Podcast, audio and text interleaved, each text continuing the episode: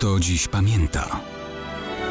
Datownik historyczny prezentuje Maciej Korkuć.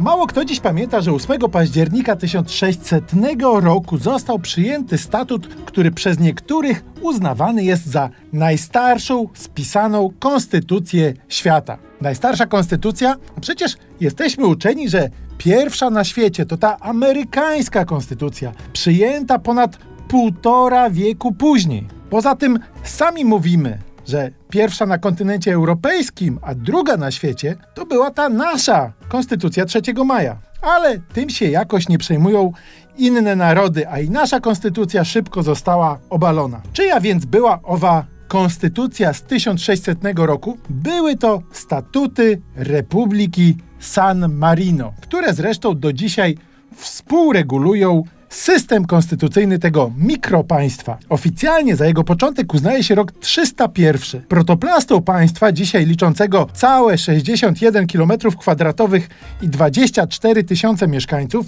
był diakon Marino, który schronił się w górach przed rzymskimi prześladowaniami. Od jego imienia wzięła się nazwa państwa i stolicy. W tamtych czasach wszystko tu rozwijało się wokół wspólnoty wiernych i klasztoru. Dziesięć wieków później San Marino podzielone było na dziesięć okręgów. Władzę sprawowało dwóch konsulów, których z czasem zaczęto nazywać kapitanami regentami. I tak zostało do dzisiaj. Stopniowo przez wieki umacniały się instytucje państwa i utrwalała jego samodzielność. Ta przetrwała i mimo różnych prób jej likwidacji została w pełni potwierdzona w latach 70. XX wieku. A owa konstytucja? Sprawa jest nieco złożona. Statut z 8 października 1600 roku w rzeczywistości jest jedynie częścią różnych dokumentów i zasad prawnych, które do dzisiaj określają ustrój republiki. Ostatnią z nich jest Deklaracja Praw Obywateli i Fundamentalnych Zasad Porządku San Marino